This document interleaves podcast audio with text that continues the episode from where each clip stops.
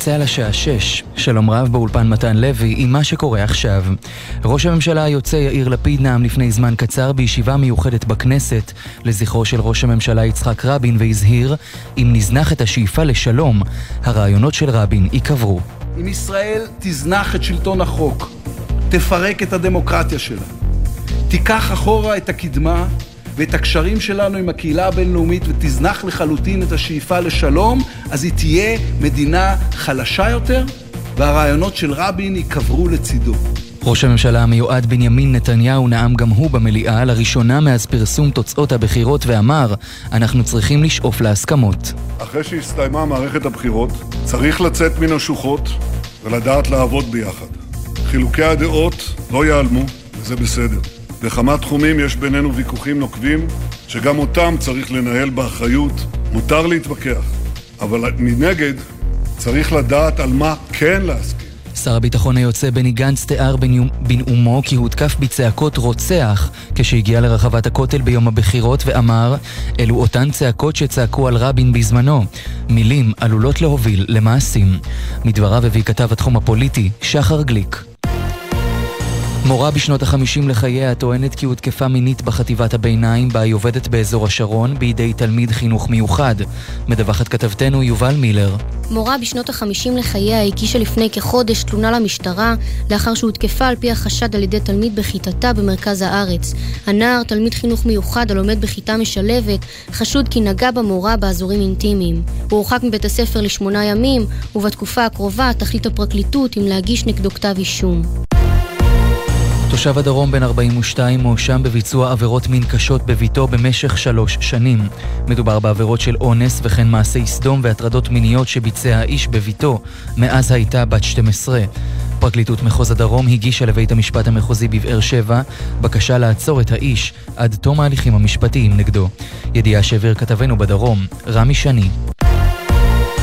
כדורסל מליגת ווינר, הפועל חיפה מארחת בשעה זו את הפועל ירושלים ובהמשך הערב הפועל אילת תתמודד מול מכבי תל אביב ומוליכת הטבלה, הפועל תל אביב תשחק מול הפועל גלבוע גליל ובליגת העל בכדורגל, מכבי בני ריינה תשחק הערב מול הפועל באר שבע ואלופת המדינה, מכבי חיפה תתארח אצל ביתר ירושלים באיצטדיון טדי ארבעה ימים לאחר ההדחה מליגת האלופות ידיעה שהעביר כתב חדשות הספורט, יהונתן גריל.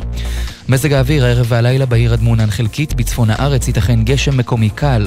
ממחר ועד יום שלישי קיים חשש לשיטפונות במדבר יהודה ובדרום הארץ. הציבור מתבקש להיזהר ולהימנע מטיול בנחלים. אלה החדשות שעורכת עדי שוב.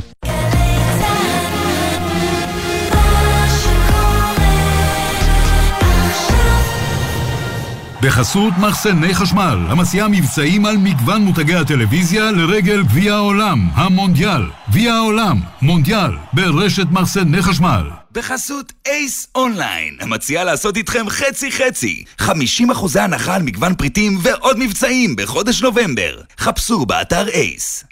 עכשיו בגלי צה"ל, עמית תומר ושי ניב עם החיים עצמם. עכשיו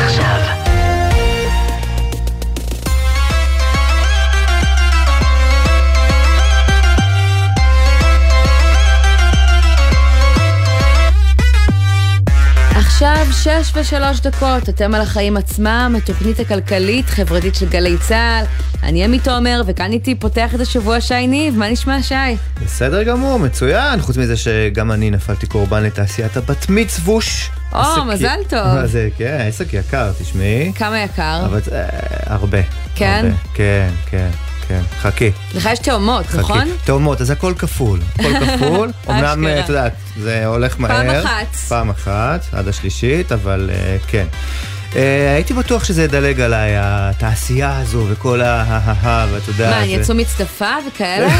לא, לא, לא היו הליקופטרים גם, אבל כן, ממש שני אירועים, גם לחברים וגם למשפחה, וככה כל פעם עוד משהו, אבל נו, הם נהנו.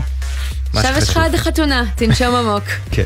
טוב, עדיין בחירות, וזה, את יודעת, אני בעיקר סקרן לראות אה, מי יהיה שר האוצר הבא מבין כל המועמדים והמועמדות, אני לא יודע אם יש. הפעם לא. מועמדות, כן. אה, מועמדים מטעם עצמם אולי. כי הקרבות כבר התחילו. יש לי תחושה שעל תיק הבריאות או על תיק הרווחה נראה הרבה פחות קרבות. כן, וגם על משרד המודיעין, המשרד לירושלים ומורשת ומשרד ההתיישבות, שאני אישית חושבת שדינם צריך להיות כמו דין שר המים, אם אתה זוכר שהיה את זה. ממש, זו הייתה שנה, שנה נפלאה. כן, אבל זה כבר אה, דיון לפעם אחרת. בינתיים אנחנו נעסוק פה בשאלת שר האוצר הבא, אחרי סבב הפגישות של המשא ומתן הקואליציוני בגוש נתניהו, שהחל היום. כן, נמשיך לעקוב גם אחרי המאבק בין אה, רשתות השיווק ליבואניות הגדולות, שמתחיל להוביל לחוסרים בחלק ממוצרי המזון. נהיה עם יצרן קטן של אחד מהם, דגני בוקר, שבשלב הזה עדיין לא מצליח להיכנס למדף של לא מעט רשתות. למרות שמקום, יש שם כבר. בדיוק. עכשיו, אנחנו נעסוק גם בטענה למחסור בתרופות, שמתחיל אה, ככה לאיתו, נבין מה בדיוק חסר, ואם יש סיבה בכלל לדאגה לקראת החורף. כן, נקפוץ גם לוועידת האקלים של האו"ם בשארם א-שייח במצרים, ונהיה עם גדעון בכר, מראשי המשלחת הישראלית שכבר נמצא שם, גם על אילון מאסק שממשיך לפטר בטוויטר, ועלול להוביל בכוונה או שלא ליותר פייק ניוז ברשת. ונסיים עם חוק השקיפות בשכר החדש שנכנס לתוקף בניו יורק, ועשוי לצמצם את פערי ההכנסה בין נשים לגברים. ולא רק, כמה חודשים אחרי שאצלנו נכנס חוק דומה, ננסה להבין מה הסיכוי ששם זה יצליח. כן, אז זה בסוף השעה, אה, ויש לנו הרבה עד אז. כן. אה, מה הכותרת שלך קודם? אז תשמע, הכותרת שלי היא בשורה טובה דווקא למאזינים שנוטים להירדם בשמירה, אלו שלא בודקים כל חודש את תדפיסי ההכנסות וההוצאות שלהם, ועוקבים אילו עמלות הבנקים לוקחים מאיתנו ואילו סכומים, כי בוא נודה באמת, זה סוג של מלחמת התשה, שורות רבות וקטנות, והסכומים נראים לא כל כך גבוהים, אבל האמת היא שהם מצטברים. לאורך השנים, בנק ישראל הורה לבנקים לתת אלטרנטיבות זולות. מסלול של 10 שקלים לעמלות בסיסיות, ומסלול מורחב, שמחירו נע בין 20 ל-30 שקלים ללקוחות כבדים יותר, שמאפשר לבצע פעולות ללא תשלום נוסף ובלי הגבלה. וככה הפער בין מי שמקפיד להצטרף למסלול הנכון עבורו, ומי שלא בדיוק אה, ככה עם אצבע על הדופק, יכול להגיע למאות שקלים בשנה, וכשאנחנו מבזבזים את מאות השקלים הללו, הבנקים מרוויחים בגדול. בעשור האחרון ניתן אמנם לראות שהעמלות שאנחנו uh, משלמים לבנקים במגמת ירידה, אבל עמלות העובר ושב עדיין מגיעים לסכום עתק של שני מיליארד שקלים וחצי. אז עכשיו, ביחידת הפיקוח על הבנקים מבקשים במסגרת טיוטה ראשונה שמוציאים uh, שם היום לשנות את כללי המשחק. האחריות צפויה לעבור לבנקים, שיצטרכו לבדוק במה ובכמה הלקוחות שלהם uh, ככה משתמשים, ובהתאם להציע להם את המסלול הנכון עבורם ולהעביר אותם לשם באופן uh, אוטומטי, זה שיהיה הכי חסכוני כלומר, גם אם אני לקוח מאוד פסיבי, שכמו שתיארת ככה לא טורח יותר מדי לבדוק, הבנק יצטרך לעשות את זה בשבילי. בדיוק, אז ככה זה מה שאמור לקרות, אבל זה ייקח עוד זמן, וכנראה יהיה כרוך בלחצים מצד הבנקים, אז בינתיים הנה תזכורת, אתם יכולים לעשות את זה כבר עכשיו, באופן יזום, תיכנסו לאתר הבנק שלכם, תקראו למסלולים, תצליבו עם כמה אתם מוצאים היום בחודש ממוצע, וככה תוך כמה דקות תבינו האם אתם במסלול הנכון לכם, ואם לא, תוכלו לחסוך הרבה כסף, בתקווה שבקרוב כבר יהיה מי שיעשה את זה בשבילנו. יפה מאוד. מה הכותרת שלך? טוב, תשמעי, אני החלטתי לבוא אופטימי היום, אה, ולכן בחרתי לך כותרת חיובית, שתפסה לי את העין מאתר דה מרקר. כן, יש כאלה. אה, לפי הכתבה של נתי טוקר, אה, יש קבוצה הולכת וגדלה בתוך החברה החרדית, שמגדירה את עצמה כחרדים מודרניים. וכבר במערכת הבחירות האחרונה, ההנהגה החרדית, שמסמלת אולי הכל חוץ ממודרניזם, התייחסה אל הקבוצה הזאת ואפילו חיזרה אחריה. מסתבר שאותה קבוצה הביאה את ראשי המפלגות החרדיות להבטיח למשל, שבניגוד לכל מיני אמירות שנשמעו בין היתר על ידי יושב ראש יהדות התורה יצחק גולדקלוף, הן כן יפעלו להרחבת לימודי הליבה. אה, בחלק מהסרטונים שהופצו למשל בקרב אותם חרדים מודרניים אפשר לראות את חבר הכנסת משה גפני, מי שבסבירות גבוהה יחזור בקרוב לעמוד בראשות ועדת הכספים, מבטיח שהוא יסייע בבניית בתי ספר עם לימודי ליבה, ושגדולי התורה יסייעו למשל לחרדים עובדים. עכשיו, כדי להכניס לפרופורציות, אה, מחקר של דוקטור לי כהנר מהמכון הישראלי לדמוקרטיה הראה ש-11% בלבד מהחרדים מגדירים את עצמם כחרדים מודרניים. הרוב מגדירים את עצמם כשמרנים, כאולטרה שמרנים, או מקסימום חרדים עם נגיעות מודרניות. ועדיין, ובמיוחד על רקע התחושה שהנה אחרי הבחירות האלה, החברה החרדית, ואיתה אולי גם המשק כולו, הולך לצעוד אחורה, יכול מאוד להיות שיש תהליכים פנימיים שקשה לעצור. גם אם האסקונה הישנה מעדיפה להשאיר את החרדים במאה ה-19. וזה משמח. תרשה לי להיות פסימית. האנשים האלה שכתבו עליהם בדה מרקר הם לא האנשים שנבחרו לכנסת, וכמו שאנחנו יודעים יש תמיד פער בין מי שבוחר, ולא בדיוק בוחר את הבחירה המדויקת שלו, לבין מי שבסוף צריך לקבל בשבילו את ההחלטות. אולי אנחנו בדרך לשם, אני בספק אם זה יוביל למשל לאי ביטול אה, ככה ענייני לימודי הליבה אה, בכנסת הקרובה. אל תרסי לי את האופטימיות, נו. בסדר. טוב, אז לפני שאני מוחקת לך לגמרי את החיוך, נתחיל? יאללה.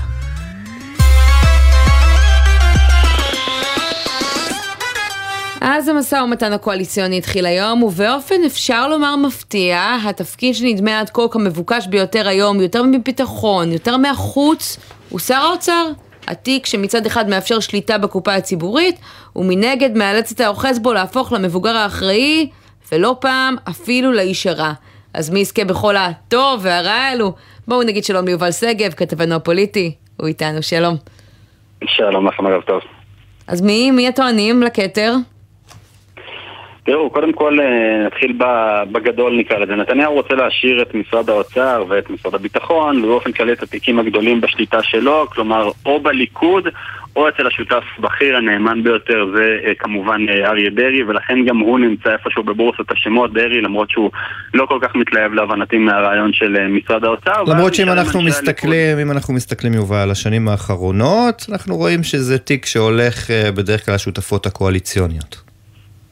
אה, בזמנים מסוימים כן, בזמנים מסוימים לא, בסוף תלוי בוויתורים. היו שרי אוצר בולטים מהליכוד, בין אם זה ישראל כץ שעוד מעט נחזור אליו, ובין אם זה יובל שטייניץ כמובן. נכון. אה, אבל אה, זה לא, לא בכל מחיר, ומי שכמובן טוען לכתר מנגד הוא בצלאל סמוטריץ' שרוצה או את האוצר או את הביטחון, נרחיב לגביו עוד מעט. אז לגבי רגע, אבל הליכוד... לגבי דרעי קודם, איך אתה מסביר את העובדה שהוא ממש ככה לא מעוניין אה, בתיק האוצר, כי אנחנו זוכרים את הבטחות הבחירות שלו, כרטיסי מזון למשל למשפחות אה, רבות, ביטול כל מיני מיסים, זה דברים שהם אה, בסמכותו של שר האוצר.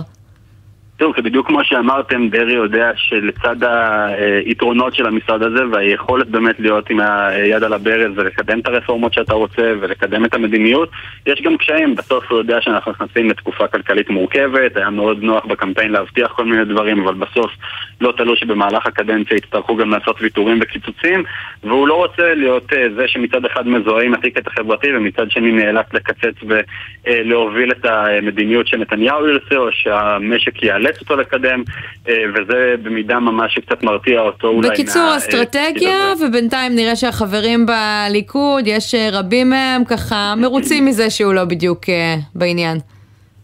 נכון, ובליכוד יש לא מעט אנשים שרוצים את התפקיד הזה. אז אמרנו כבר ישראל כץ, הוא היה בתפקיד, הוא רואה בעצמו מתאים, אבל יש עדיין מתח מאוד משמעותי בינו אה, לבין אה, נתניהו, וכמובן העובדה שהוא יידרדר כמה וכמה מקומות בפריימריז לא משחקים לטובתו. כן, הכוח אה, הפוליטי עוד, שלו די נשחק בשנתיים האחרונות.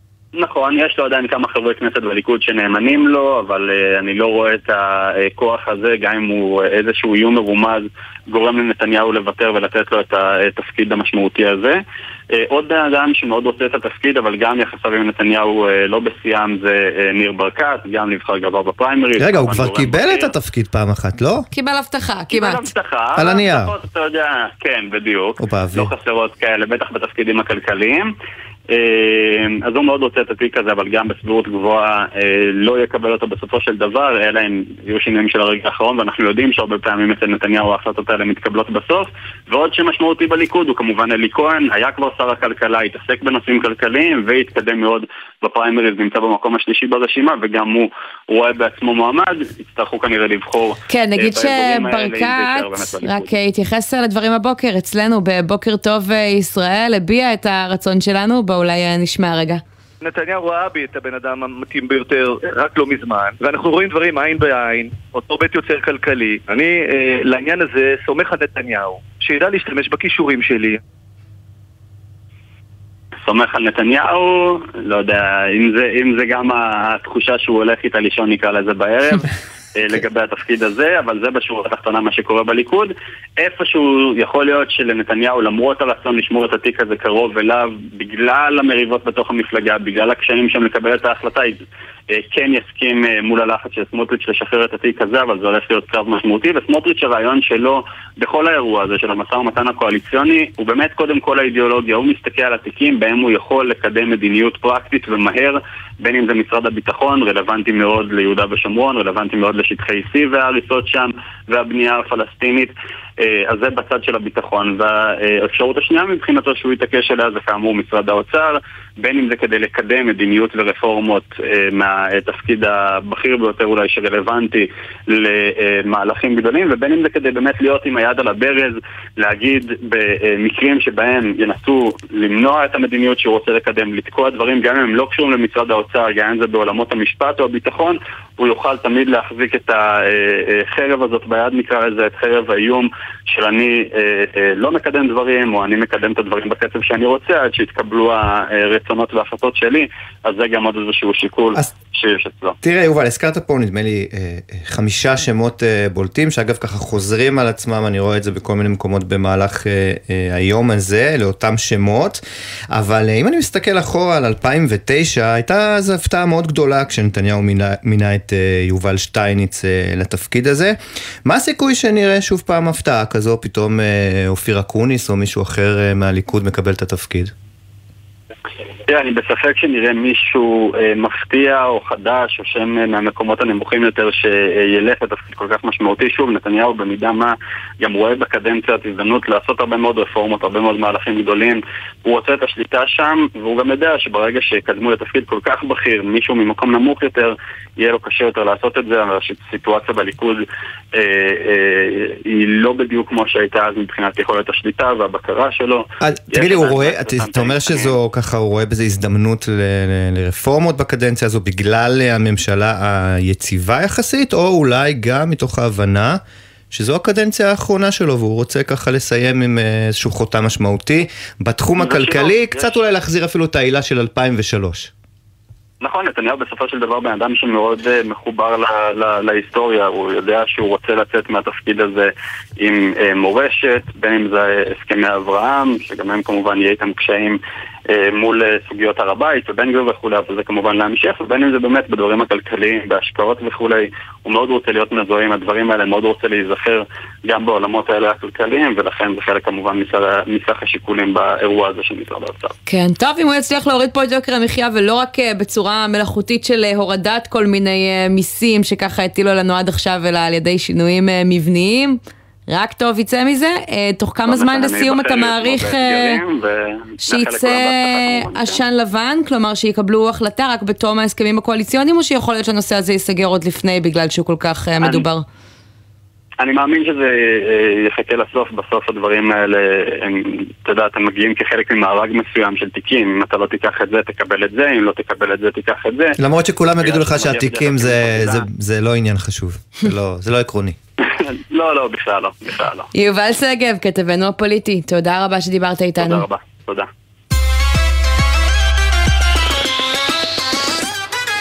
ואנחנו עוברים לגל ההתייקרויות שכמעט שבוע אחרי שהתשין של היבואנים והיצרנים הגדולים אפשר לקרוא לו בינתיים גל האי התייקרויות כי רשתות המזון כרגע עומדות במילה שלהן ולא מאשרות את המחירונים החדשים של יוניליבר, דיפלומט ואחרות שביקשו לייקר את מוצריהן ואת הקרב הזה אנחנו כן כבר מרגישים על המדפים אבל לא בתג המחיר אלא בדמות מחסור במוצרים שלא ניתן להשיג באף מחיר בואו נגיד שלום בעניין הזה לעינב קרנר כתבתם מהצרכנות.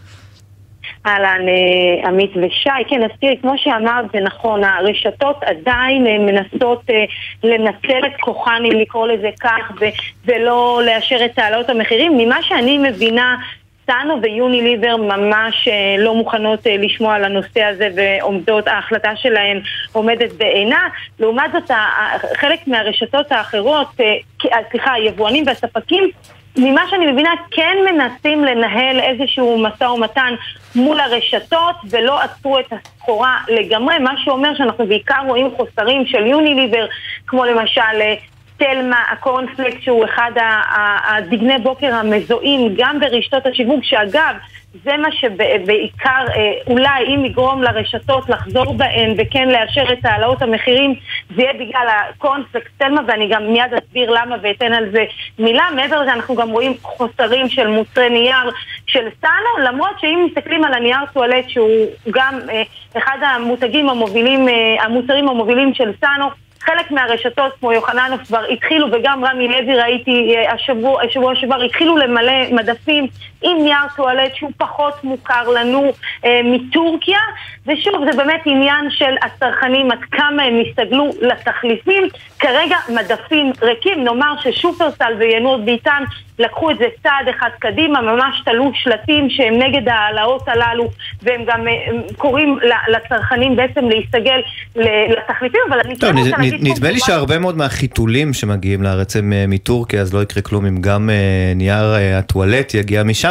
אגב, עינב, אנחנו רואים בימים האחרונים מחסור במוצרים, גם כאלה שלא חוו התייקרויות. מה הסיבה לכך?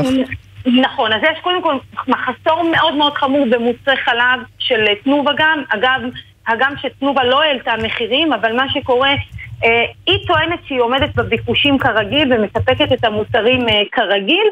יכול להיות שזה גם בגלל שטרה לא מספקת לחלק מהרשתות, אז נוצר פה איזשהו עומס אה, על תנובה. אבל ממה שאני שומעת בחדרי חדרים, אז יכול להיות שגם הסיבה שתנובה יותר מעדיפה אה, לייצר את המוצרים העתירי שומן ולאו דווקא את המוצרים כמו הקוטג' והגבינה הלבנה שהם אה, אה, זולים יותר ואתם יודעים בסופו של יום בחלב הגולמי אנחנו יכולים לבחור אם לעשות את המוצרים המפוקחים או לעשות את המוצרים עתירי השומן ששם הרווח שלנו כן. יותר גבוה. ואנחנו רואים שאני... דבר דומה גם עם הסלטים של צבר מבית נכון, אוסם, נכון עינה? אוסם וזה מה שהם אומרים שזה כבר הוציאו הודעה בתחילת אוקטובר רק שזה הולך ונראה שזה ככה מתארך משום מה זה בגלל שינויים במפעל של סלטי צבר, והם אומרים שבשבוע הבא כנראה יתחיל להתחדש המלאי. אותו דבר אנחנו רואים גם ממה מעוף של תנובה, שגם שם יש חוסרים מאוד מאוד אה, משמעותיים. וגם שם אה, אומרים לנו תשובה שמנסים אה, להתגבר על אותם אה, הביקושים, וכנראה שהביקושים גדלו. אבל אני כן רוצה להגיד, אני הזכרתי קודם את הנושא של תלמה והדגני בוקר של יוני ליבר, ואני רוצה לתת פה מילה. אני גם שומעת מצד שני, לצד המאבק של הרשתות, גם חלק מהרשתות אומרות לי, תשמעי, אנחנו לא בטוח שנוכל לעמוד באותו הקו. יש פה גם דברים שהם לא אומרים אותם במה שנקרא ברשמי, בפורמליות. אבל יש פה גם את העניין של הרווחיות של אותן רשתות, שברגע שמעלימים מהמדפים מוצרים מובילים, mm-hmm. זה יכול בהחלט לגרום לזליגת לקוחות למקומות אחרים, וכמו שאנחנו רואים, אין פה אחידות. לא כל הלקוחות, לא כל הרשתות נוהגות באותו אופן כלפי כן. הספקים.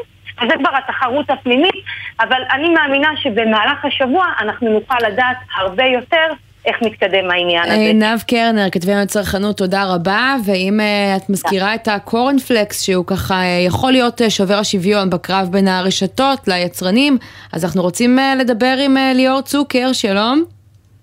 שלום. אתה סמנכ"ל המכירות של אה, חברת אה, אשבול, שמייצרת גם כן דגני בוקר, ערב טוב.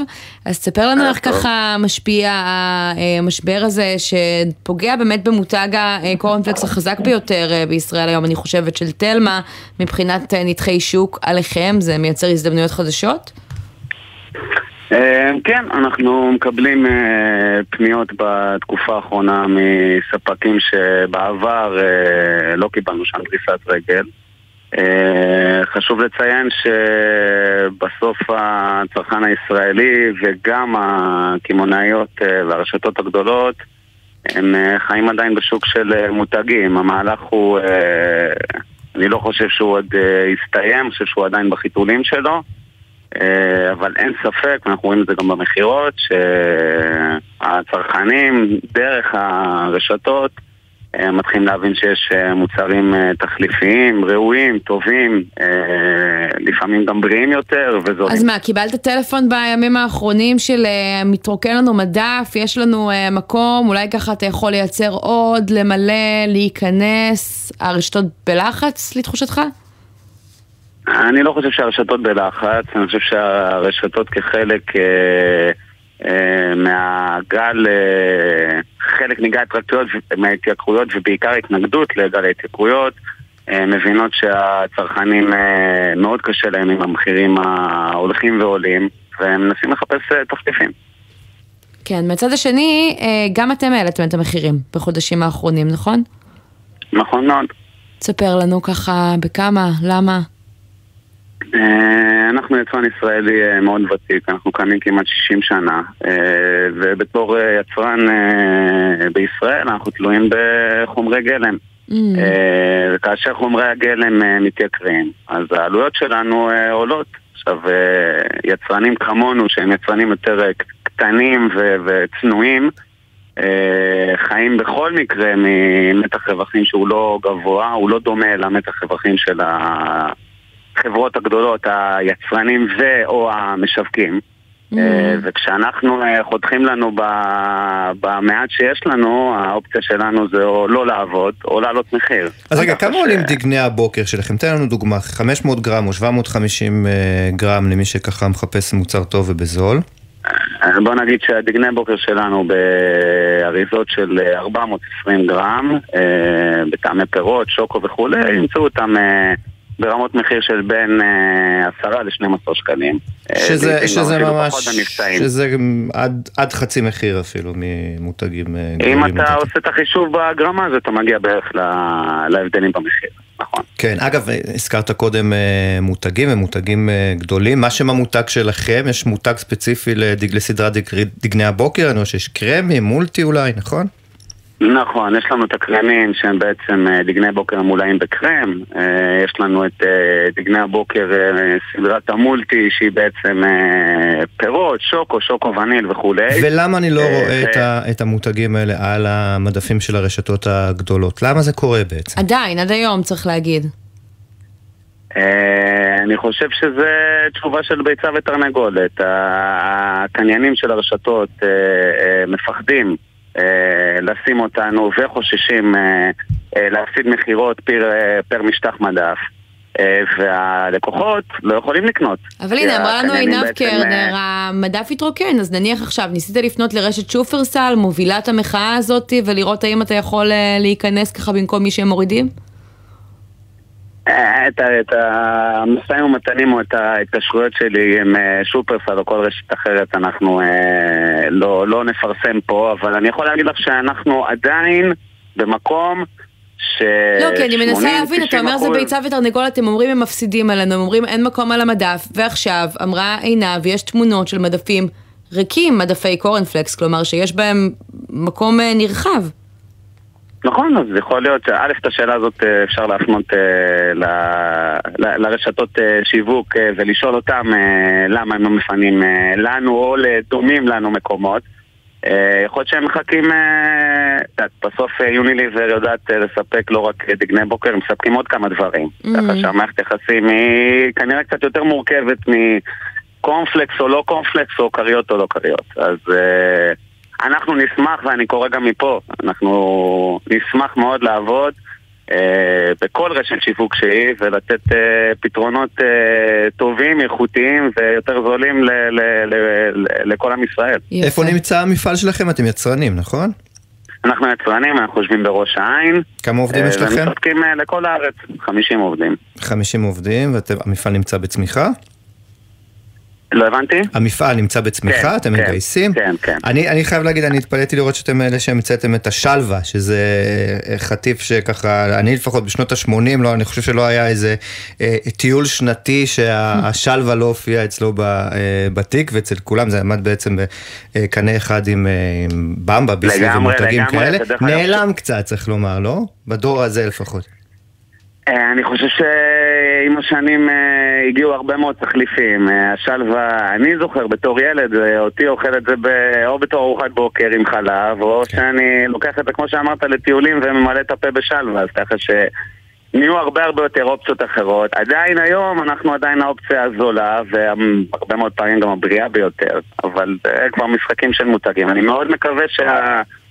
ש, שגל המחאה הזה, או גל ההתעוררות הצרכנית שאנחנו חווים, אני מקווה Mm. שהוא יביא את, אה, את כלל הצרכנים בישראל לחשוב אה, פחות מוטי מותג, ויותר אה, אפילו, אה, השם ישמור, להסתכל אחורה בתווית, לראות מה מכיל המוצר, כן. וגם או- לחשוב בסוף על השורה התחתונה בחשבון. או גל הנוסטלגיה שעוררנו פה, אז חברים, כן, הנה, לגמרי. תחזרו לשלווה, ויש גם. דגני בוקר. ליאור הנה. צוקר, סמנכ"ל המכירות של חברת אשבול, תודה רבה שדיברת איתנו. תודה רבה לכם, ערב טוב לכולם. ומהמחסור במזון אנחנו עוברים אה, למחסור במדף אחר, בבתי המרקחת, שם אה, נרשמים חוסרים בחלק מהתרופות, אה, בראשן חלק מהמוצרים של אקמול, ככה תרופה שהיא שכיחה בכל בית ולא רק, אז בוא נגיד שלום בעניין הזה לדוד פפו, יושב ראש הסתדרות הרוקחים, שלום. ערב טוב עמית, ערב טוב שי. אז ספר לנו ככה על אילו תרופות מדובר, בכמה אה, רחבה התופעה הזאתי. לא, התופעה היא מאוד מאוד רחבה ומתמשכת לאורך זמן. עכשיו היא צפה ועלתה על פני השטח, אבל זו תופעה שנמשכת כבר למעלה משלוש שנים. למה? מה קרה לא פתאום? אה, או לא פתאום? למען האמת, אנחנו, אנחנו לא מקבלים הסברים, כל פעם אנחנו מקבלים אה? סיפורים אחרים. כן, פעם אחת זה סיפורי קורונה, וכשנגמרת הקורונה מתחילים סיפורי אוקראינה. וכשנגמרים סיפורי אוקראינה, מתחילים סיפורי מחזור בעובדים עקב אה, אה, זה שאנשים לא חזרו לעבוד אחרי הקורונה. אבל בכל אופן, התופעה היא, מעבר לקוריוז, היא לא רק בתרופות ללא מרשם ותרופות חורף, היא לכל אורך הקו, תרופות מאוד מאוד חיוניות, מאוד מאוד חשובות, למחלות חשובות, למחלות חשוכות מרפא. ואין פתרון, פשוט מאוד אין תרופות. אני אומר לכם באחריות. אנחנו לא מדברים עכשיו... רק על תרופות, כי הזכרת את האקמול קודם, תרופות שהן בעצם אה, גנריות, כלומר יש להן אה, תחליפים אה, בשוק. זה נכון, אבל ישנה תופעה שברגע שתרופת המקור נעלמת, אז מהר מאוד גם החלופה הגנרית נעלמת. ואז למעשה נוצר מצב שבשוק אין לא את המקור ולא את הגנריקה. נעלמת כי אנשים קונים, מתנפלים על מה שיש, או נעלמת לא, ממש, כי... לא, ממש, ממש לא, אנשים לא קונים תרופות ואוגרים אותם, זה לא קורנפלקס ולא דאודורנטים. הם קונים תרופות כי הם צריכים אותם.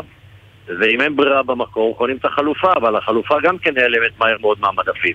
קצת מוזר, לא? דווקא היית מתאר לעצמך שכשמתחרה גדולה יוצאת, המתחרה השנייה אמורה לפרוח. כן, אבל היא לא נערכת לכך שיש uh, תרופות, את יודעת, זה לא קורנפלקס, אי אפשר לייצר מהיום להיום. ומכיוון שאף אחד לא יודע מתי מתחיל החוסר, אז ברגע שמוצר מסוים נעלם, עכשיו לא בכל המקרים יש בכלל חלופה גנרית, בהרבה מאוד מקרים אין חלופות. תן לנו דוגמה, רגע, זה אקמול, אנחנו יודעים שיש דקסמול ויש אה, גם סוגים אחרים כמו אדוויל וכולי. אני, אני, לא, אני לא רוצה, אתם כל הזמן נוגעים בתרופות. אז, אז לכן אני שואל, תן לנו, לא, אז תן לנו דוגמה לתרופה אני... שיש מחסור אמיתי ללא תחליף בשוק. למשל, אני אתן לכם תרופה שנקראת מוסקול לכאבי שרירים. אוקיי. אין לה חלופה, אין לה חלופה בשוק ואין אותה. יש תרופה שנקראת קלונקס, תרופה פסיכיאטרית, שכבר חודשיים אין אותה, ואתם יודעים שאנשים במצב כזה אסור להם להפסיק את הטיפול באופן ואז אני, אני, אני זוכר את הדיווח, נדמה לי זה היה יואב אבן אה, בחדשות 12, אה, שדיווח על כך. משרד הבריאות הגיב בזמנו ואמר זה מחסור של אה, שבוע. גם עכשיו אגב הם לא, אומרים על המקסול לא, לא, שקיימות לא, חלופות רפואיות, יש לנו את זה פה מול העיניים ובאחריות הרוקח לא, להציע אותן למטופלים. למה לא מתרגשים שם מזה? אני, אני מוכן להתמודד עם כל טענה, זה לא נכון. עכשיו, הם הודו בכך שהם קיבלו הודעה באיחור, המחסור בקלונקס הוא למעלה מחודשיים. Mm. ושוב, לכ, לא לכל תרופה יש חלופה, ואני רוצה להגיד לכם עוד משהו. דיברתם קודם על יוקר המחיה ועלויות המחיה במדינת ישראל. ברגע שחסרה תרופה מסוימת שהיא נמצאת בקופת חולים, באחת מקופות החולים, והיא חסרה, והמטופל מבקש ומקבל חלופה, את החלופה הוא כבר לא יכול לקבל במחיר האגרה המסובסד. הוא צריך לשלם מחיר מלא. וזה מעלה את יוקר המחיה, ואז כולם מתפלאים למה יקר לחיות במדינת ישראל. כן, עכשיו תראה, במשרד, ה... במשרד הבריאות אומרים במקרה. לנו בעצם האחריות היא ממילא של אה, חברות התרופות אה, למלאים ובכלל. למה אתה יוצא כנגד המשרד בעניין הזה? אני, א', א', אני לא יצאתי כנגד המשרד. ב', אני גם לא יוצא כנגד חברות התרופות, אבל מישהו צריך לקחת את ה... איך אומרים? לתפוס את השור בקרניו. להיות המבוגר. אז מה אפשר לעשות? איך פותרים את הבעיה הזאתי? אה, יש מספר אה, דרכים, קצת קשה לי ככה בזמן הקצר שעומד לרשותי לפרט את כולן, אבל אה, אף אחד מהם היא לא נחמדה. צריך פשוט מאוד להפעיל את הכוח הרגולטורי שיש למשרד הבריאות, צריך לבוא לחברות התרופות ו- ולשים את האמת נכוחה מול פניהם ולדרוש בצורה שאינה מתפשרת לשני, מתפרשת לשני פנים, שידאגו למלאים. לא יכול להיות שבמדינת ישראל אנשים יסבלו, יחלו, כי יש מחסור בתרופות. אין מחסור בגרמניה, אין מחסור בצרפת, אין מחסור באיטליה, אין מחסור באנגליה. רק בישראל יש מחסור. זה לא ברור. כן, אז רק אה, נגיד ככה, אה, מה, מה מוסרים לנו אה, בתגובה, מטבע אומרים שחברת ההפצה שלהם דיווחה למשרד הבריאות, לקופות ובתי החולים, כמו גם ליתר החברות הנמנות על לקוחותיה, שבימים האחרונים אנו חווים עיכובים באספקות לוגיסטיות שצפויים להיפטר בהקדם, באופן ספציפי אין מחסור בהקמות תבליות, החל מהיום גם הקפליות חזרו למלאי ובימים הקרובים יגיעו לבתי המרקחת, ובמשרד הבריאות מוסיפים שלכלל התרופות המדוברות, מוסקול שהזכרנו וגם נקסין, אטופן, סטרפסילס ועוד קיימות חלופות רפואיות ובאחריות הרוקח להציע אותן למטופלים. לגבי חלק מהתרופות המוזכרות, מתברר כי החברות עדכנו באיחור את משרד הבריאות בדבר החסר בתקופה, לכן הדבר לא פורסם מבעוד מועד כהודעה לציבור באתר משרד הבריאות. מה אתה אומר על עמית, כל הדברים עמית, האלה? כן. אלה תשובות גנריות, אלה תשובות גנריות שאין בינן לבין האמת בשטח שום דבר. אהבנו לא את נכון אה, משחק המילים. זה לא נכון, ברור, זה תגובות שדוברים אה, יודעים, אה, הייתי יכול לתת לכם את התגובה מבלי לראות אותה. כן, זה לא נכון זה... שיש לך תרופות האלה. צריך, צריך לומר רק שמאחורי התגובה של הדוברים עומד אגף רוקחות במשרד הבריאות שאמור להבין דבר או שניים ברוקחות. נכון, אני מסכים איתך, אבל אה, שוב, אינני יודע מי ניסח את ההודעה, אבל uh, בוודאי שהעובדות שמצוינות, וגם העובדות שמצוינות על ידי הספקים, זה לא נכון שהם חווים קשיים של אספקה בימים האחרונים. Mm-hmm. הם חווים קשיים של אספקה כבר למעלה משנתיים. כן. טוב, אז אנחנו אה, נמשיך לעקוב אה, ב... באמצעותך, אה, דוד, האם זה באמת נפתר בהקדם, בימים הקרובים? לפי מה שאתה מתאר, יש לי הרגשה שלא. תודה רבה שדיברת איתנו. בהחלט אשמח לעדכן. תודה רבה וערב טוב. כמה תשדירים, ואנחנו כבר חוזרים עם ועידת האקלים של האו"ם בשארם א-שייח שנפתחה היום, וגם יוזמה חדשה בניו יורק, תוכלו לדעת כמה שכר מציעים לתפקיד לפני שאתם הולכים להתראיין אליו. כבר חוזרים.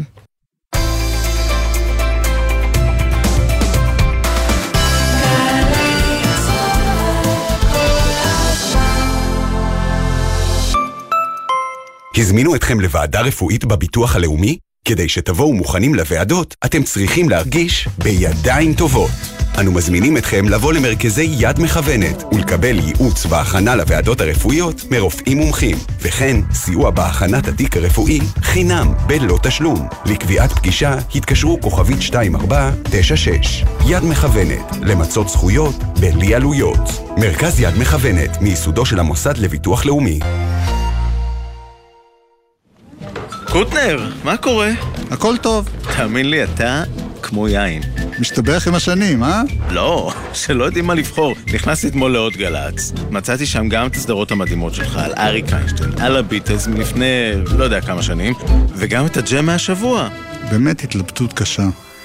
גלי צה"ל גאה להציג עוד גל"צ, זירת התוכן האיכותית בישראל. חפשו את לשונית עוד גל"צ בעמוד הראשי של יישומון גל"צ גלגלצ ותוכלו ליהנות מקשת התכנים המלאה של שידורי גל"צ. חדשות, תרבות, מוסיקה, היסטוריה, תוכניות ארכיון, הופעות חיות, הסכתים ותכנים בלעדיים. היכנסו עכשיו לעוד גל"צ ביישומון גל"צ גלגלצ. גלי צה"ל והמועצה האזורית מנשה מציינות 27 שנים לרצח ראש הממשלה, יצחק רבין. נזכור בשירים, בהשתתפות אילנית, יונתן רזאל, ולרי חמתי, אלעלי, אור אמרמי, חבורת הזמר צלילי מנשה, תיאטרון צה"ל וזמרי הלהקות הצבאיות. הערב בתשע, היכל התרבות מנשה בקיבוץ גן שמואל ובשידור חי בגלי צה"ל.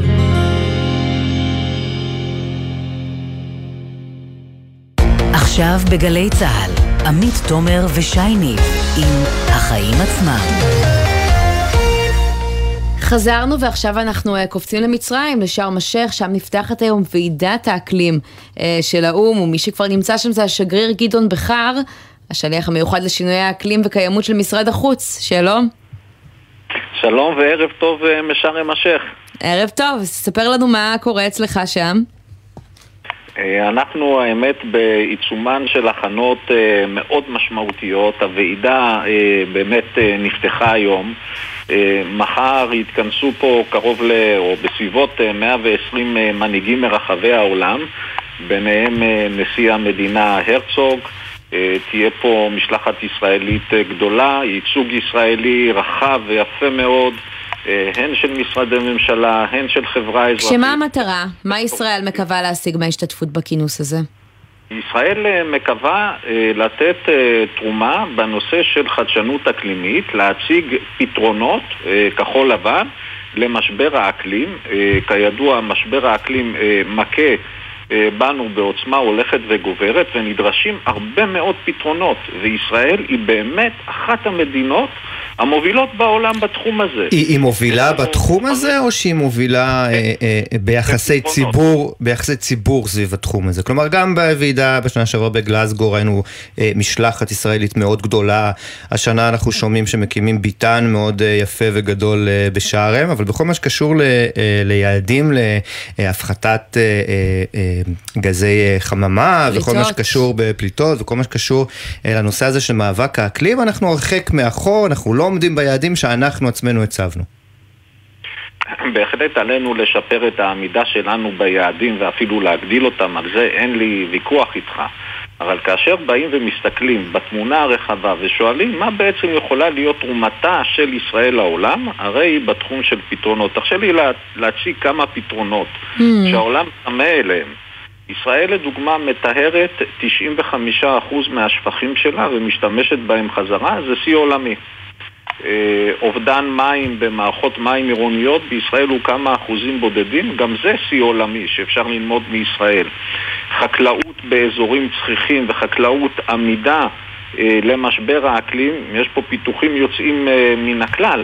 הנושא של פיתוח תחליפי חלבון מן החי, כידוע המשק החי הוא אחד הגורמים המרכזיים לפליטה של גזי חממה בעולם.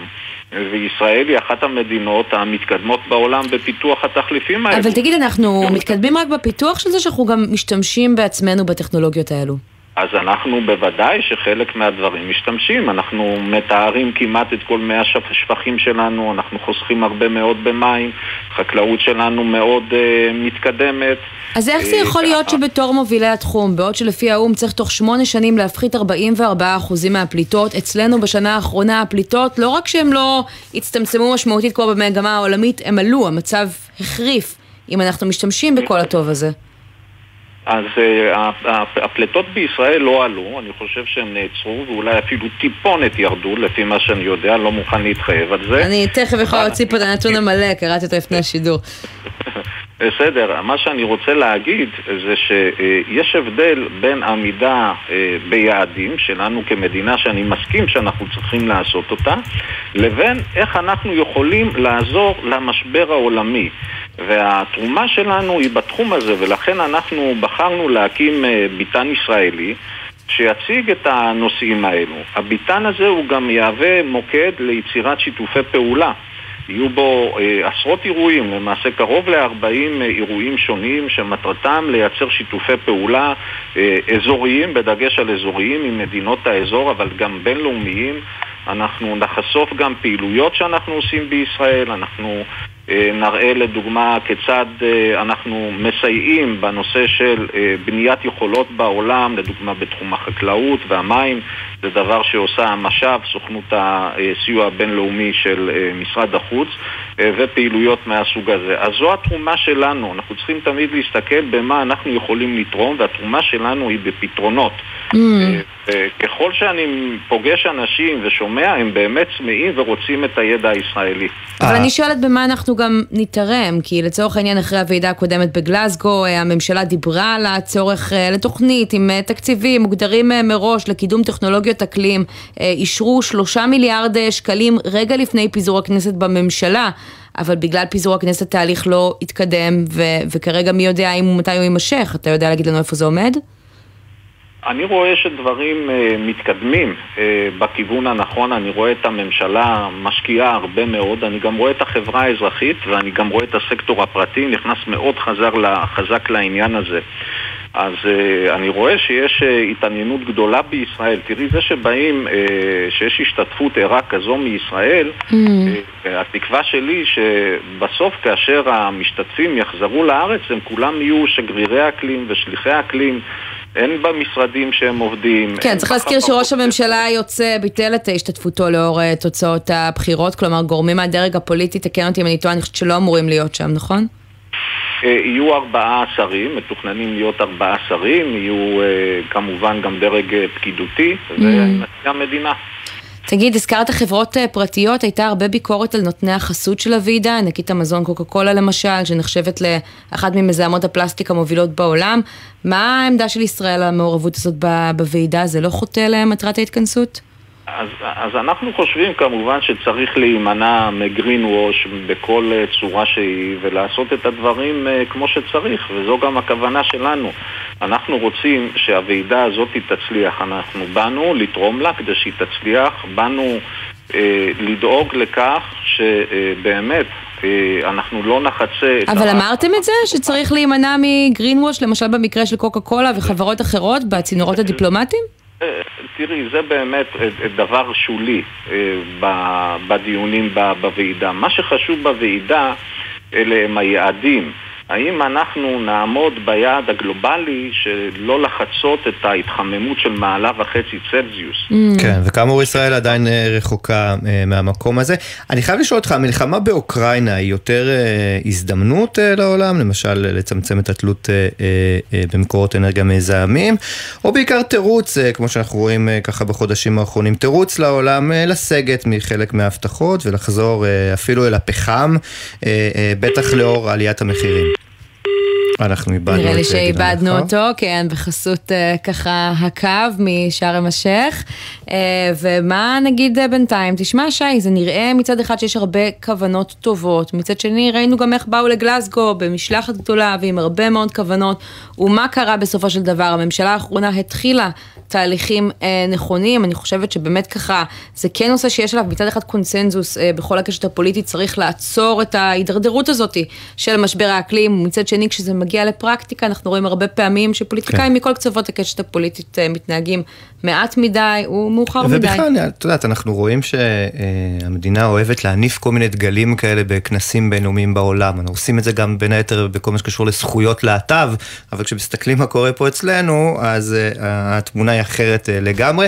הרבה מזה יחסי ציבור, נדמה לי שצריך לעשות הרבה יותר פה בבית. כן, אז נגיד uh, תודה לשגריר גדעון בכר, שאנחנו לא מצליחים לעלות כרגע שוב על הקו, אבל היה איתנו ממשרד uh, החוץ. יש אה, צליל מוזר, אולי הוא איתנו עכשיו? לא. אז נעבור לנושא הבא שלנו. אם יש לכם אה, טוויטר, זה צריך לעניין אתכם, וכנראה שגם אם לא, כי מדובר פה על משרתה, משרותיהם של הרבה מאוד עובדים. אילון מאסק אה, ככה הפך להיות הבעלים, וישר יצא לסבב פיטורי ענק שנמשך ונמשך, ומעלה חששות לא רק לגורלם של העובדים, אלא גם לפייק ניוז ברשתות, מה יקרה להם כתוצאה מהמהלך הזה. נגיד שלום בעניין הזה לאחיה שץ, מנכ"ל פייק ריפורטר. שלום שלום, ערב טוב. אז אה, אחיה, תסביר לנו את הקשר, כשיש פחות עובדים, יש יותר פייק ניוז, למה? מהסיבה הפשוטה שהפיטורים הגדולים בפייסבוק, בטוויטר, מגיעים בין השאר גם למחלקות ה moderation, בעצם הניטור תוכן, אה, ושם אנחנו יודעים שככל שיש פחות עובדים, יש פחות אנשים שיענו ל... לצרכים של הציבור בעניינים של התקפות עליהם, בין אם זה הפיטורים בטוויטר הם אפילו בעיקר, הם אפילו בעיקר במחלקות האלה, ולא במקרה, נדמה לי, במקרה של אה, אילון מאסק. אני חושב שהוא לא כן, מסתיר את, ה, את העניין הזה. אנחנו רואים לנגד העיניים שלנו אה, משהו שנראה כמו שינוי מדיניות, ואני מיד אחלוק על זה, אבל, אה, טוויט, אבל אה, אילון מאסק בא ואומר, אה, אני מאמין בפרי ספיץ', בפרי ספיץ' רדיקלי אפילו, אמ, הוא בעצם מייצג איזשהו קול שנשמע מזה שנים שטוויטר היא רשת מצנזרת, בעיקר מצנזרת תכנים אה, שמרניים. אה, בפועל אנחנו יודעים שזה צנזורים של אה, הצהרות הומופוביה, נאציזם, אנטישמיות ודברים כאלו, אבל המאורע הגדול ביותר שאי אפשר שלא להתייחס אליו ועל השניות במחלוקת שלו זה כמובן החסימה של דונלד טראמפ, שאולי היה איזשהו קו פרשת מים לאנשים רבים.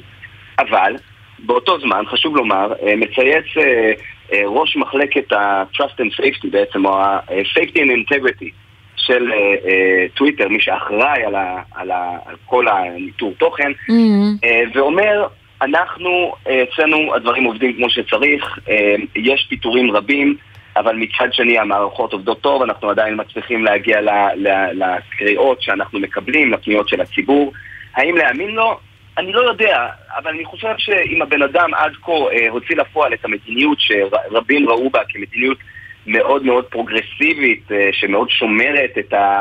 את הפרי ספיץ' ומגנה על חלשים, ועכשיו הוא ממשיך בזה תחת דונלד טראמפ ואומר שעד כה טוב. זה יכול לגרום לטראמפ לחזור, לדעתך? יכול מאוד להיות, אני לא רואה סיבה אגב שטראמפ לא יחזור, החסימה הזאת היא חסימה קצת, בוא נגיד את זה, פטאלית. לחזור זה, לחזור זה תרתי משמע במקרה של טראמפ. יכול להיות, השאלה, בדיוק, השאלה היא בדיוק זו, האם הבן אדם חוזר ומתנהג באופן שאינו אה, מעודד אה, אנשים להסתער על הקפיטול האמריקאי או לא, ואני חושב ששם זה, זה, זה בדיוק האופן שבו צריך לבחון את הדברים. ואני רוצה להגיד שאם באמת מחלקות, אה, המחלקות בטוויטר באות ואומרות שמה שיש שם, מה ש, אה, הדברים עדיין ממשיכים לעבוד כמו שצריך, יכול להיות, יכול להיות שבטוויטר הייתה לא מעט אבטלה סמויה. היו אלפי עובדים שאולי לא בדיוק כן, אנחנו מדברים על פיטורים של 7,500 לא עובדים, מחצית מתוכם בעצם הולכים אה, הביתה, זה, זה הרבה מאוד אה, מה שנקרא שכבות שומן במרכאות. כן, אני לא יודע, אני, אני בטוח שהיה שם אבטלה, אני לא יודע אם ב, ב, ב, ברמה הזו. אני כן רוצה להגיד שאנחנו... לא, תראה, צריך, מה שצריך לומר זה שאילון מאסק לפחות אומר שהחברה הפסידה 4 מיליון דולר ביום. זה, זה אנחנו כן יודעים, ואני מניח שעסק אה, לא ממש יכול להתנהל ככה לאורך זמן. וזה התפקיד שלו. אני חושב שמגיע לו ימי חסד, שנחיה ונראה מה השינויים שהוא יעשה. הוא אחרי, אחרי הכל גאון אה, ניהולי וטכנולוגי. מצד שני הוא אדם לא צפוי. אני חושב שטוויטר זה הרשת אולי המשפיעה, הפוליטית המשפיעה בעולם. היא לא הרשת הכי גדולה, היא לא הרשת עם הכי הרבה משתמשים, mm-hmm. אבל אפשר באמצעותה אה, אה, להכריע אה, גם בחירות ולשנות את דעתם של מיליונים, יותר מרוב הרשתות. ולכן אני חושב שזה אירוע מאוד דרמטי, שאני מקווה ש, ש, ש, שכדאי שכולנו נעקוב ב... בעיניים ביקורתיות על כל המהלך הזה. כן, אבל תגיד... אבל אני אגיד לבסוף, אני, אגיד, אני רק רוצה להגיד שבסופו של יום אנחנו כחברה חייבים להמשיך ולדרוש את ההגנות והזכויות שמגיעות לנו, בר... לנו אה, בשימוש ברשת הזו. מדינת ישראל הייתה בבחירות עכשיו, שלושה ימים. במקביל לזה שאילון מאסק נכנס לחברה, היו טלטלות רבות. אני יכול להגיד לכם מהדיווחים שאנחנו העברנו לטוויטר, בין השאר, על אה, התערבויות זרות שנעשו בזמן הבחירות. Mm-hmm. אה, היו עשרות של התכנים. התכנים הוסרו, אני יכול, אני יכול להגיד ש... אה, כלומר, כן, יש תחושה מהיר. שעדיין יש מי שמפקח אה, ועל הדברים ולא מרגישים אה, כאוס מבחינת הלקוח. תגיד, מבחינת המחירים, ראינו שאילון מאסק רוצה לקחת כסף וכל מיני שירותים, אם זה וי כחול, שכל אחד יוכל ככה תמורת איזשהו סכום כסף ושירותים נוספים. כשאנחנו רואים את המודל הכלכלי שטוויטר התנהגה בו עד היום, של הפסדים מאוד מאוד גדולים, יכול להיות שלשם אנחנו הולכים, שמעכשיו הרשתות החברתיות יעלו כסף?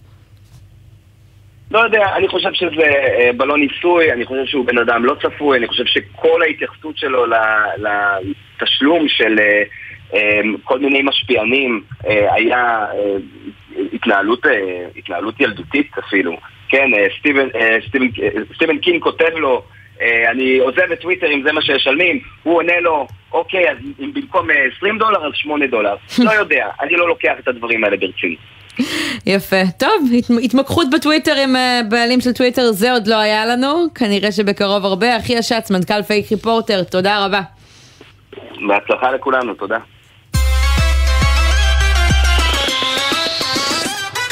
ונסיים בניו יורק, שם נכנס לתוקף חוק שקיפות בשכר, או במילים פחות מכובסות, תגיעו לראיון עבודה, תראו איזה משרה שמתפרסמת, לפני שתשבו על הכיסא מול המראיין, תדעו מה טווח השכר אה, שמקבלים בחברה, כדי ככה לדעת לנהל את המשא ומתן. יפה. בצורה חכמה יותר. בואו נגיד שלום בעניין הזה לעורכת הדין הילה הראל, שמש, שלום.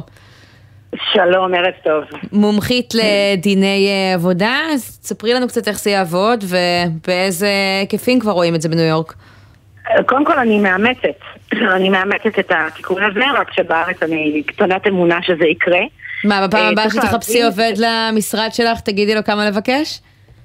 הנה הפתרון, אנחנו הרי מדברים על אה, אה, פערים, אה, גם פערים מגדריים וגם עובדים שעושים פישינג לפני שהם אה, מגיעים למקום עבודה בשביל לדעת כמה מרוויחים בו ו- ומסתורים שיש סביב העניין של השכר והכל סודי. Mm. אז כדי, כדי לדעת כמה לבקש, שזו משימה לא פשוטה. תראו, בסופו של דבר זה יוצר אה, ודאות, וגם מדייק, מדייק את המועמדים שמגיעים לרעיונות העבודה. כלומר, זה גם מוזיל עלויות של חיפוש עבודה מצד המעסיק, וגם מדייק את המועמדים למשרות הספציפיות. כי זה מייצר איזשהו תיאום ציפיות אה, מוקדם. לחלוטין. גם המצב היום הוא ממש מגוחך, בשני אספקטים מגוחך. אחד, מה זה היום? מאז ומתמיד. אחד, אה, ואנחנו מדברים בעיקר על עובדים זוטרים, פחות על עובדים בכירים. אה, עובדים היום, לצורך העניין, עורך דין צעיר שרוצה לעבוד באחת הפירמות, מה שהוא יעשה, יש כל מיני קבוצות אה, בלינקדאין, בפייסבוק, יעשו פישינג. אה, ואז הוא מגיע אה, לרעיון עבודה, ויכול מאוד להיות שהוא ינקוב בשכר שהוא נמוך בהרבה ממה שהמעסיק התכוון לשלם, אה, וזה השכר בסופו של דבר שהוא יקבל. עכשיו, כן, את, אגב, את אומרת הוא ידרוש, אבל אם אנחנו מדברים על היא, כלומר על אישה, אנחנו יודעים שברוב המקרים היא תבקש עוד יותר פחות. נכון, וזה האספקט השני, אה, שעליו בכלל אפשר לתת הרצאה. אבל אם אני מתמקדת שנייה באותו עובד, הרי הוא יעלה על זה. ו- ואני מכירה אין סוף סיפורים על זה, וברגע שהוא עולה על זה, אז זה מפח נפש מאוד גדול, חלקם גם יכולים לעשות רעידת אדמה על הדבר הזה, ובסופו של דבר זה לוז-לוז. זה, זה מ- מהבחינה הזאת. מבחינת הפערים המגדריים, אגב, היה מחקר ענק בארצות הברית, שנמשך 20 שנה, על 100 אלף אקדמאים שעשו אותו, ובדקו מה קורה כשיש שקיפות. ושתי המסקנות המרכזיות שהגיעו אליהם זה אחד, צמצום משמעותי של פערים אה, מגדריים בשכר, של 45 אחוז, צמצום של 45 אחוז, ושתיים, זה קשר הדוק בין הביצוע לתגמול. אה, ובמקרה של נשים, בדיוק כמו שאתה אומר, זה עוד יותר יהיה אפקטיבי. תגידי, גם אצלנו עשו איזשהו חוק כזה לפני כחצי. שנה, לפרסם את הפערים בשכר בין גברים לנשים בכל מיני ארגונים גדולים. זה עשה איזשהו שינוי לתחושתך? את בדיוק מרימה לי להנחתה, כי השינוי הזה, סליחה, אה, הוא, בוא נגיד שאם אני אגיד שהוא עגום ועלוב, בסופו של דבר מה שיצא ממנו זה understatement. כי קודם כל אין סנקציה, בסדר? אין, אין, אין שיניים לחוק הזה. אה, במגזר הפרטי הוא חל רק על חברות של 518 עובדים. אגב, איך זה נקבע המספר הזה, אתם יודעים? אה, עניין של איזה מזל, נכון? כן, זהו, זכרתי משהו מוזר כזה. חי, אוקיי? זה אה, אה, אה, כץ, לא זוכרת מה ש... לא ישראל כץ.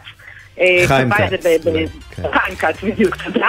כן. פשוט אה, היה- היה- היו ויכוחים וככה קבעו. זה 518, זאת אומרת, אנחנו כבר פוסחים על מאות אלפי עובדים. בקיצור, את אה, אומרת מעט מדי כדי זה לא. לעשות אה, שינוי בשטח. טוב, נראה איך יעבוד המודל האמריקני. אולי לא. נאמץ מהם כמה דברים. עכשיו מניו יורק, עורכת אני הדין מאמצת. הילה הראל אני שמש. חושבת שזה יעשה, שזה תיקון מרחיק לכת ויעשה טוב מאוד לשוק הישראלי. מהפה שלך, ואנחנו נעקוב. נגמר לנו הזמן לצערי, אז אנחנו נגיד לך תודה עכשיו, ותודה גם לבן נצר, העורך שלנו, נמרוד פפרני, ולירון מטלון הפיקו על הביצוע הטכני, אורי דהן, עורך הדיגיטל הוא אביתר ברון. תכף אה, מיד אחרינו יצחק רבין, מנהיג מזד, מזד אחר בציון יום השנה לרצח יצחק רבין, זיכרונו לברכה, בהגשת טלי ליפקין שחק. אני עמית תומר, שי ניב, תודה רבה. תודה עמית, נהדר. ביי ביי. בחסות מחסני חשמל, המציעה מבצעי בלק פריידיי בכל חודש נובמבר. מבצעי נובמבר ברשת מחסני חשמל.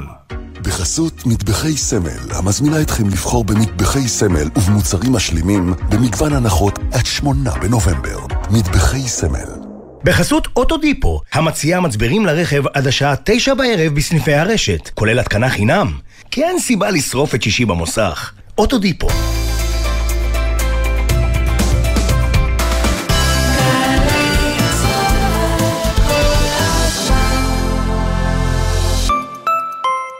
ממשלת ישראל מודיעה בתדהמה, בצער רב וביגון עמוק, על מותו של ראש הממשלה ושר הביטחון יצחק רבין, לציון יום השנה לרצח ראש הממשלה יצחק רבין, המוזיאון הישראלי במרכז רבין פותח את שעריו לקהל הרחב חינם מ-2 בנובמבר עד 10 בנובמבר, מ-3 עד 7 בערב, להזמנות כוכבית 4585. מפקדים, משרתים, עובדים ומתנדבים יקרים. מדבר סגן אלוף רומן שטיבלמן, ראש ענף הבטיחות בעבודה, באש ובחומרים מסוכנים. מ-13 עד 17 בנובמבר יתקיים שבוע הבטיחות הצה"לי. ב-14 בנובמבר, יום שני, יתקיים יום שידורים מיוחד בסימן יוצרים תרבות של בטיחות, שנעמיק בו בנושא הבטיחות בעבודה, באש ובחומרים מסוכנים. יום השידורים נועד לשיפור תרבות הבטיחות בצה"ל ולשמירה על חייהם ובריאותם של פקודינו. השתתפו ביום השידורים בכירים ומומחים מתחומים שונים, שראיינו ביומנים ובלו"ז היחידות. הקישור לשידור יישלח בסמוך למועד דרך סגלי הבטיחות. ענף הבטיחות בעבודה, באש ובחומרים מסוכנים, איתכם ולמען בטיחותכם.